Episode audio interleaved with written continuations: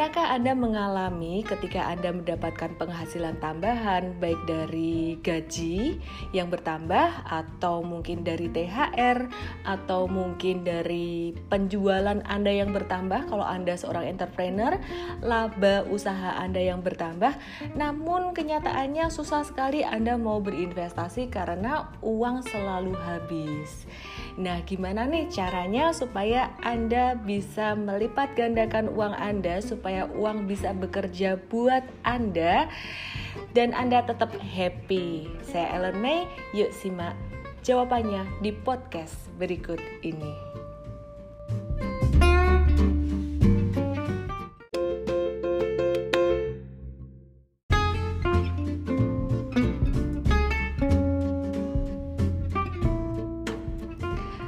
Menjadi kendala banyak orang meskipun penghasilannya bertambah namun ia tidak bisa berinvestasi.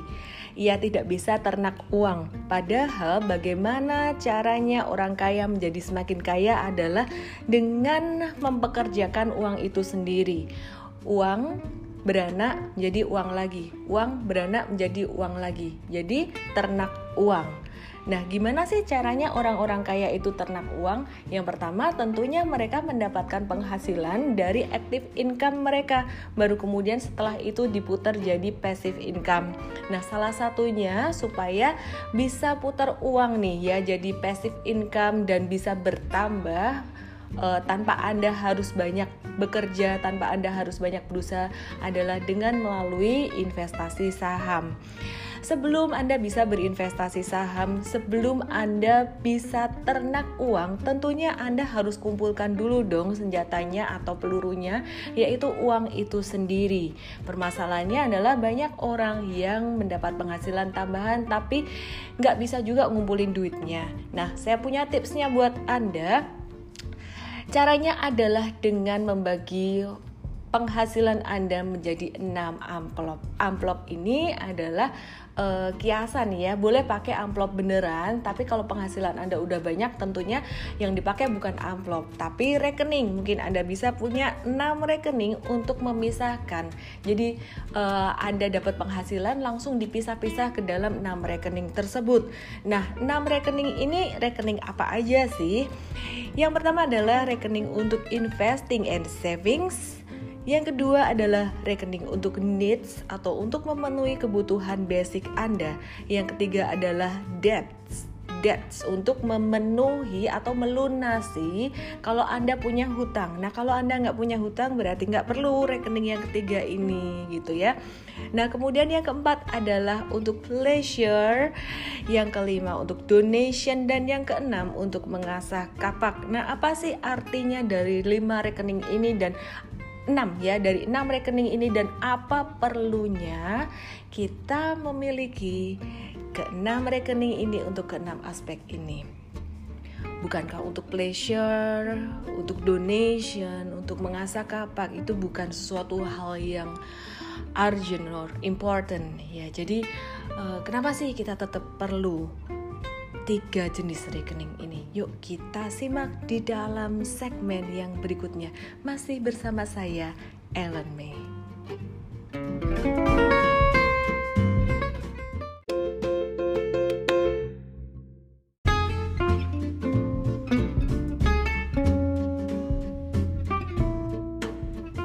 Jenis rekening yang pertama yang harus kita punya adalah rekening untuk tujuan investing and savings. Kenapa kita harus punya rekening ini? Karena banyak orang nih ya mau kaya, mau bisa uangnya beranak pinak, tapi selalu habis untuk kebutuhan hidup sehari-hari atau untuk pleasure. Nah, sebelum Anda menggunakan uang Anda untuk keperluan yang lain, untuk memenuhi kebutuhan hidup, untuk bersenang-senang, dan untuk berdonasi, amankan dulu nih. Terserah mau berapa persen, terserah. 10% atau 20%, semakin banyak tentunya akan semakin cepat Anda bisa beternak uang. Namun jangan lupa uh, harus tetap realistis. Jangan sampai Anda pasang di sini alokasi sekitar 50% dan kemudian um, Anda kelabakan untuk memenuhi kebutuhan hidup, Anda kelabakan untuk uh, bersenang-senang, Anda nggak bisa bersenang-senang sehingga your inner child akan freaking out dan Anda juga nggak punya kesempatan untuk mengasah kapak atau berdonasi. Jadi harus tetap realistis. Mungkin bisa start small dulu.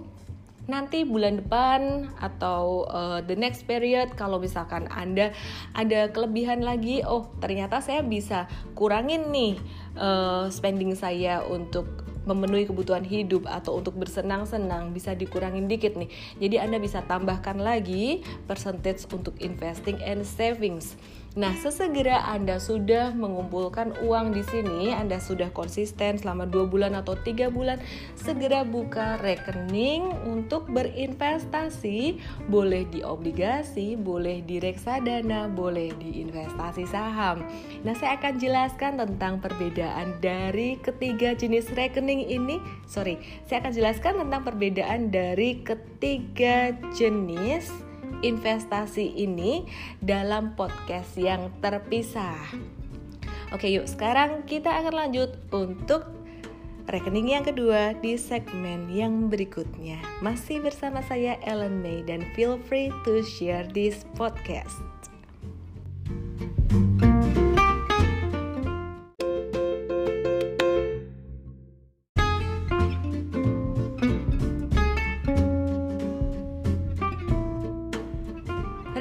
Atau envelope yang berikutnya yang Anda mesti punya adalah rekening untuk memenuhi kebutuhan basic Anda atau needs. Nah, menarik sekali nih. Kalau misalkan Anda hitung-hitung ya kebutuhan Anda, Anda hitung lagi, Anda hitung lagi, Anda hitung lagi dan Anda catat, catat, catat kok kayaknya nggak habis-habis nih. Ada juga nih yang saya perluin selalu ada aja. Gimana caranya sih supaya spending saya untuk memenuhi kebutuhan basic ini nggak terus bertambah dan bertambah?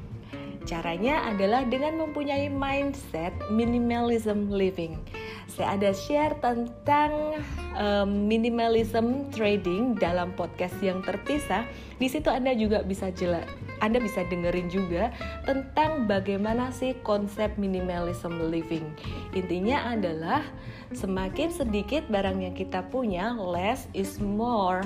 Jadi semakin sedikit kebutuhan yang kita punya, maka hidup kita juga akan menjadi lebih bahagia. Caranya adalah sebelum Anda mau membeli sebuah barang, benar-benar dipikirin dulu nih. Kira-kira saya benar-benar perlu barang ini nggak sih? terutama ketika kita lagi jalan-jalan, ketika lagi traveling, saya selalu dulunya membeli banyak barang. Eh lucu nih beli, eh lucu nih beli. Tapi kenyataannya barang-barang tersebut juga nggak terlalu banyak dipakai gitu. Jadi ketika saya travel, terutama dengan keluarga, terutama ketika anak merengek-rengek untuk beli ini beli itu, saya selalu berpikir um, benar-benar perlu nggak sih barang ini dan saya coba kasih pengertian buat anak saya juga eh kita nggak nggak terlalu perlu loh barang ini loh. Dan malah kalau misalkan kita beli barang ini cuman senang sebentar aja nih untuk memuaskan ego memiliki barang ini dan ternyata sampai di rumah juga ya ditaruh aja gitu nggak terlalu perlu. Jadi ketika saya belajar tentang minimalism living meskipun saya belum bisa benar-benar uh, hidup minimalis ya tapi kenyataannya semakin sedikit barang yang kita beli semakin kita membeli hanya untuk hal yang kita perluin aja ternyata kita semakin happy dan gak cuman kitanya aja yang happy tapi kantong kita or wallet itu juga semakin happy jadi ketika anda mulai mencatat nih ya apa aja keperluan Anda dan berapa sih uang yang Anda perlukan untuk memenuhi kebutuhan hidup. Berapa persen uang yang mesti Anda alokasikan untuk memenuhi kebutuhan hidup. Yuk mulai dari hal-hal yang basic dan kalau udah mulai melebar ke mana-mana harus berani untuk mencoret ya untuk mencoret hal-hal yang kita nggak terlalu perluin Terus kalau misalkan kita perlu sesuatu gimana dong? Misalkan kita mau belajar masak nih, kita perlu mau belajar musik nih ya, kita mau belajar apa ya, belajar investasi atau belajar apa pun ya. Jadi anda nggak perlu harus habisin uang yang terlalu banyak, misalkan hanya untuk belajar memasak, Anda bisa belajar dari YouTube. Nah, ada hal-hal yang kita bisa pelajari dari uh, YouTube, tapi ada beberapa hal juga yang Anda harus belajar secara langsung dengan uh, pakarnya atau dengan mentor Anda. Demikian pula dengan kebutuhan yang lain yang mungkin Anda bisa substitusi, ya, Anda bisa mulai kurangi untuk membeli banyak barang sehingga alokasi uang Anda untuk memenuhi kebutuhan hidup juga akan jadi semakin hemat dan Anda bisa gunakan untuk investing atau keperluan yang lain. Oke, kita akan lanjut untuk envelope atau untuk rekening yang ketiga dalam segmen yang berikutnya masih bersama saya Ellen May and feel free to share this podcast. Salam profit.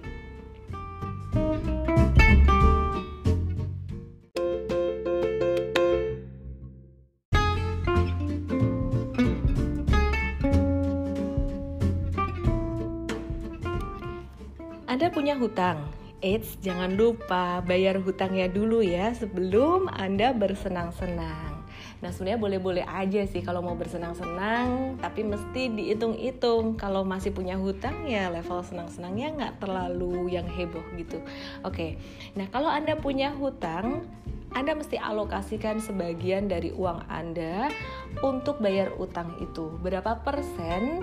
Tergantung lagi dari tadi berapa sih uang yang Anda gunakan untuk needs dan juga investing. Dan karena hutang ini berkaitan dengan orang lain yang memberikan hutang pada Anda, Anda mesti atur dulu nih. Kalau Anda mau hitung berapa persen, Anda mesti janjian dulu atau diskusi dulu dengan orang yang memberikan hutang buat Anda terlepas dari siapa pun itu Anda mesti perhitungkan berapa lama waktu yang Anda miliki supaya Anda bisa bayar hutang Anda. Berapa lama waktu yang Anda punya dan berapa banyak sih uang yang Anda punya mesti dialokasiin.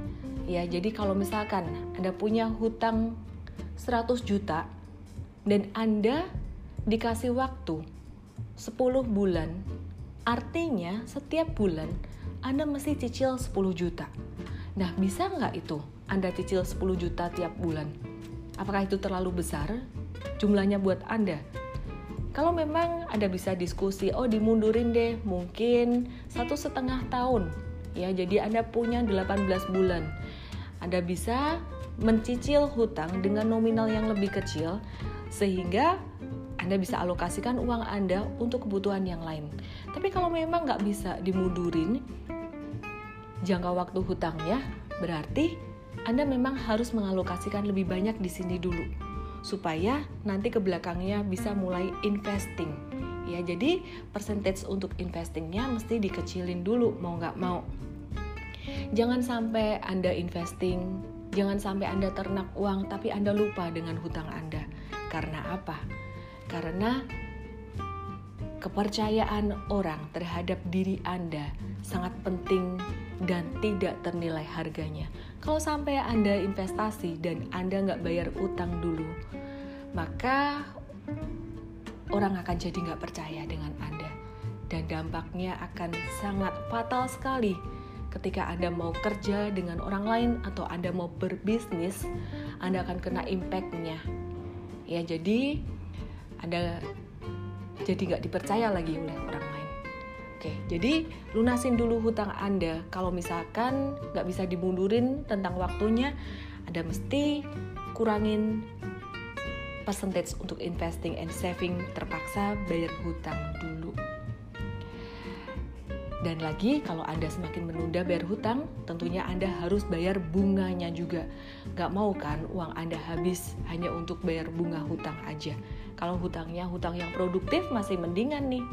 Tapi kalau hutang yang konsumtif, saya sarankan lebih baik Anda menahan diri, lebih baik Anda nggak tampil gaya dengan handphone terbaru atau mobil terbaru hanya untuk uh, hutang yang sifatnya konsumtif. Bahkan KPR pun bisa menjadi konsumtif. Kalau ada beli rumah yang mewah dan mesti bayar pakai utang, bayar bunga tinggi, tapi nggak menghasilkan. Ya, jadi hutang yang produktif adalah ketika Anda berhutang dan hutangnya ini uh, uang yang Anda gunakan untuk hutang ini bisa digunakan untuk menghasilkan uang lagi. But be very careful dengan hutang meskipun Anda mengatakan ini produktif kok, tetap harus sangat hati-hati karena Anda tetap harus bayar bunga atau interest. Yuk kita lanjut ke segmen yang berikutnya kita bicara tentang envelope atau rekening yang berikutnya tentang pleasure. Masih bersama saya, Ellen May, and feel free to share this podcast.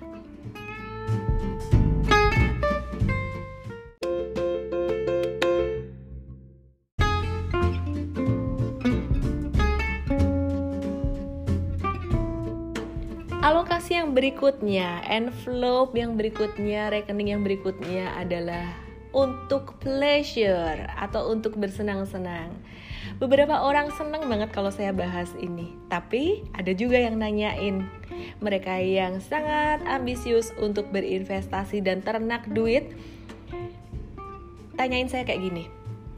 Apa sih perlunya envelope ini? Bukannya kita mesti fokus berinvestasi dulu ya, memenuhi kebutuhan hidup dan kalau punya utang bayar utang dulu gitu bukannya kita mesti fokus ternak uang dulu dan nanti kalau uangnya udah banyak baru kita bersenang-senang. Nah, menarik sekali ya. Dulunya saya juga berpikir seperti itu. Pokoknya kerja kerja kerja, investasi investasi investasi sampai uangnya banyak, baru kita bersenang-senang, baru kita jalan-jalan keliling dunia, baru kita main-main. Ternyata ada beberapa alasan yang membuat saya akhirnya berpikir bahwa envelope ini harus ada sejak awal meskipun Anda masih struggling untuk berinvestasi. Hanya saja besarannya yang mungkin berbeda. Nah, jenis pleasure-nya pun juga berbeda. Kenapa? Kalau duit Anda masih dikit nih ya, jadi um, needs Anda masih gede, Anda masih bayar utang dan Anda belum berinvestasi, memang sih kita harus mengutamakan investasi dulu. Pleasure-nya nggak usah banyak-banyak, tapi harus tetap ada. Karena apa? Karena sebagai manusia, kita adalah manusia yang diciptakan Tuhan untuk menghindari rasa sakit dan mengejar kesenangan. Kalau kita nggak penuhi kebutuhan basic ini untuk happy-happy, maka our inner child akan freaking out. Dia akan protes. Jadi meskipun Anda punya uang banyak secara finansial, Anda berhasil, dia akan protes dan Anda nggak akan happy. Jadi gimana caranya bersenang-senang? Ya, yang pertama adalah senang-senang yang basic dulu lah. Spending time dengan keluarga, nonton bioskop kan gak habisin duit banyak ya atau berwisata lokal aja yang deket-deket dulu yang paling penting adalah bagaimana Anda spending time dengan keluarga, dengan orang-orang yang Anda sayangi, quality time, have a quality time. Dan jangan lupa, pleasure ini bukan cuman untuk orang lain juga, tapi untuk diri Anda sendiri. Tahu nggak Anda? Ada beberapa cara untuk bisa membuat Anda senang tanpa harus habisin duit banyak. Salah satunya adalah mungkin dengan membeli buku atau sekedar punya waktu sendiri berdiam di kamar atau naik ke gunung yang which is sangat-sangat hemat sekali. Atau Anda bisa pergi ke karaoke keluarga. Anda bisa bermeditasi. Anda bisa yoga apa pun itu. Dan cara saya untuk uh, bersenang-senang, saya sering kali travel bersama keluarga, tapi saya juga kadang-kadang travel sendiri. Saya punya waktu untuk diri sendiri karena sebelum kita menolong orang lain, sebelum kita menyenangkan orang lain, kita mesti happy dulu. Dan alasan lain kenapa kita mesti punya envelope ini adalah karena waktu kita terbatas. Saya senang banget nih. ketika mendengar sebuah testimoni dari seorang alumni kita yang namanya Bu Eli. Waktu itu Bu Eli berpikir kalau saya berhasil dari saham nih ya, dapat untung dari pasar saham, saya akan menyenangkan orang tua saya. Saya akan kumpulin dulu banyak uangnya. Tapi saya senang ketika beliau berubah pikiran ketika beliau dapat profit, profitnya selalu aja dialokasiin untuk pleasure. Ada yang dialokasikan untuk pleasure dan beliau mengajak kedua orang tuanya bahkan mertuanya untuk pergi jalan-jalan ke luar negeri setiap tahun dari hasil trading saham. Beliau adalah alumni pelatihan super trader yang kami adakan. Dan senang banget ketika beliau bisa ajak kedua orang tuanya pergi umroh dan juga mertuanya. Dan gak lama setahun dua tahun kemudian orang tua beliau berpulang. Ya jadi meninggal uh, dari ibunya dulu baru kemudian ayahnya setahun kemudian. Dan ini juga mirip banget dengan apa yang saya alami di mana orang tua saya uh, meninggal papa saya dulu kemudian setahun kemudian mama saya. Meskipun saya sempat ada rasa nyesel juga nih ya sebagai anak kok rasanya kurang ya nyenengin orang tua? Rasanya masih aja masih aja kurang. Tapi saya sangat bersyukur ketika saya mengalokasikan sebagian dari apa yang saya dapat untuk menyenangkan mereka juga ya. Terutama saya suka sekali jalan-jalan. Kalau papa saya dia nggak terlalu suka jalan-jalan jadi uh, ada. Saya belikan beberapa barang juga untuk uh, beliau bersenang-senang. Seperti contohnya uh, kursi pijat yang mungkin harganya mahal papa uh, mau beli kok sayang ya kok sayang ya padahal mampu juga beli. Nah ketika saya beliin uh, massage chair itu senang banget. Nah jadi um, cerita tentang pleasure nggak harus mahal dan awali dari diri Anda sendiri. Saya Ellen May, feel free to share this podcast. Dan kita akan lanjut untuk segmen yang berikutnya yaitu envelope untuk donation.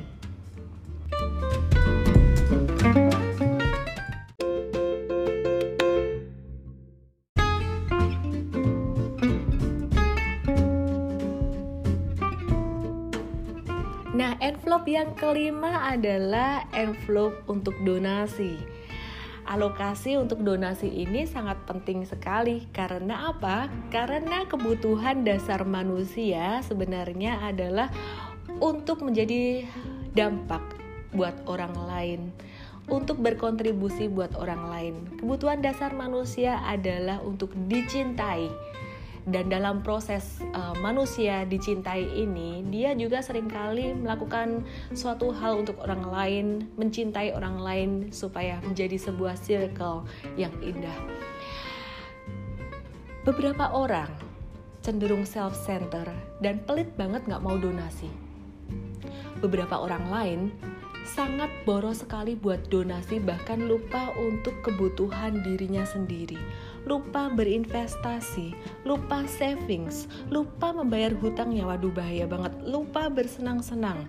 Jadi gimana sih seberapa besar kita bisa berdonasi, menyumbang?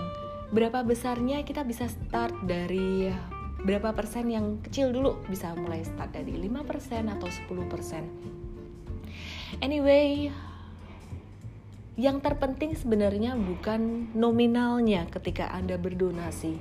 Yang terpenting adalah bagaimana kita create impact buat orang lain, membuat orang itu benar-benar merasa dicintai, dibantu hidupnya, berubah hidupnya, dan bahagia tentunya. Jadi kita ketika kita berdonasi sebaiknya bukan cuma uang aja, tapi kita create social impact seperti misalnya kita memberikan motivasi, kita memberikan dukungan, support, bahkan telinga kita yang mendengar pun bisa menjadi sebuah sarana yang bagus untuk menolong orang lain. Ya. Jadi donasi ini sangat penting sekali Buat kamu-kamu yang masih self-center, coba deh alokasiin sebagian uang kamu untuk donation dan kamu akan ngerasa jauh lebih happy. Donasi ini nggak harus kamu kasih tahu ke orang-orang banyak. Kalau kamu mau let people know, that's good karena itu akan buat orang lain melakukan hal yang sama, menular. Tapi kalau kamu shy, kamu bisa lakukan donasi ini ke orang-orang terdekat kamu. Bisa ke keluarga, teman, panti asuhan, atau siapa pun yang membutuhkan. Ada satu cerita dari alumni saya, alumni Super Trader, workshop Super Trader. Beliau adalah seorang dokter di Ponorogo dan beliau mendonasikan uang dari hasil trading sahamnya untuk menolong temannya yang seorang janda dengan empat anak berkebutuhan khusus dan juga menolong temannya yang baru aja di PHK dan belum dapat pesangon. Dan bahkan ibu ini mengatakan saya merasa gampang banget nih bantu orang lain karena saya dapat uangnya dari trading saham juga gampang. Artinya beliau udah terlatih ya. Sebenarnya bukan gampang-gampang gitu aja, tapi karena udah terlatih jadi merasa gampang. Nah, buat teman-teman yang mau belajar untuk um, seorang super trader, bisa tanya-tanya ke www.supertrader.id/whatsapp. Saya Ellen May, yuk kita lanjut ke envelope yang berikutnya untuk mengasah kapak atau investasi leher ke atas.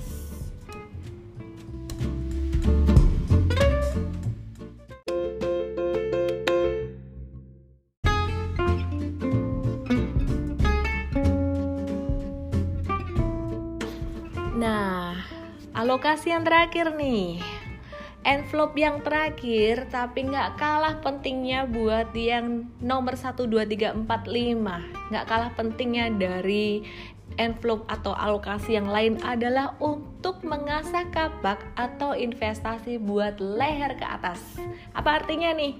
apakah mesti pergi ke salon atau beli anting-anting mahal? nggak kayak gitu investasi leher ke atas artinya adalah investasi untuk menambah ilmu ya. Jadi investasi untuk menambah ilmu ini bisa diawali dari investasi untuk membeli buku. Dari yang gratis dulu deh lihat YouTube, dengerin podcast kayak gini, kemudian beli buku, kemudian beli online course, kemudian ikut workshop atau pelatihan which is kalau ketemu langsung dengan mentor tentunya hasil belajarnya juga akan beda. Nah, saya selalu mengalokasikan sebagian dari penghasilan saya untuk mengasah kapak atau leher ke atas dengan baca buku itu udah wajib banget. Yang namanya podcast, YouTube saya selalu dengerin semua yang bisa membangun diri saya. Bahkan nggak cuman sekedar bicara tentang uang tapi bicara tentang hidup secara keseluruhan. Kemudian saya juga uh, beli buku-buku dan kemudian beli online course saya juga ikut pelatihan, ikut conference sampai ke negeri Paman Sam sampai tempat yang paling jauh pun saya make time. Ya padahal sibuk banget saya make time uh, mengalokasikan uang, waktu, tenaga dan biaya untuk belajar ke sana banyak banget yang saya pelajari, tidak hanya tentang investasi dan trading saham, namun bagaimana menjadi seorang manusia bahagia seutuhnya, bagaimana caranya kita mencintai diri sendiri, bagaimana caranya kita uh, hidup maksimal ya kita hidup maksimal. Kenapa penting untuk mengalokasikan uang untuk mengasah kapak atau investasi leher ke atas? Banyak orang yang berpikir untuk uh, poin nomor 1, 2, 3 aja investasi needs and uh, debt debts and pleasure ya donation tapi nggak berpikir untuk mengasah kapaknya. Padahal kalau kita punya ilmu lebih, kalau kita punya ilmu yang lebih bagus, kita ngikutin langkah orang yang udah berhasil terlebih dahulu, kita belajar langsung dari dia, maka jalan kita akan menjadi semakin cepat dan semakin dipermudah Ilmu adalah leverage atau pengungkit. Kalau biasanya kita butuh waktu lebih lama, tenaga yang lebih lama, maka dengan belajar pada orang yang udah berhasil terlebih dahulu, kita akan bisa menghemat banyak uang. Trading saham gak perlu uh, bingung lagi beli jual saham gimana caranya, bisa meminimalisir kerugian banget, mendapat keuntungan lebih cepat kita bisa menghemat juga emosi kita nggak perlu kita kesel capek emosi lelah Jadi kalau misalkan Anda rugi dalam investasi saham, Anda juga akan merasa capek, capek emosi juga ya. Dan kemudian kita juga bisa menjadi jauh lebih happy. Jadi buat saya, investasi untuk leher ke atas atau mengasah kapak ini sangat sangat sangat penting sekali. Kalau penghasilan Anda masih terbatas, Anda bisa start dari beli buku atau lihat YouTube atau dengerin podcast terlebih dahulu. Tapi buat saya, saya alokasiin di sini lumayan gede, baik untuk uang, waktu, dan tenaga. Nah, kalau Anda mau belajar lebih lanjut tentang bagaimana cara menjadi super trader, yuk langsung aja kunjungi atau tanya-tanya lewat WhatsApp ke www.supertrader.id/whatsapp. Saya Ellen May. Feel free to share this podcast dan create impact buat teman-teman dan saudara Anda semua gratis. We make money, we change lives better, and we help people to make money and change lives better. Salam profit.